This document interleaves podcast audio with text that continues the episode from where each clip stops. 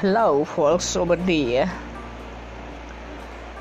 What about making a podcast and sharing your thoughts on life, on emotions, on feelings, and whatsoever?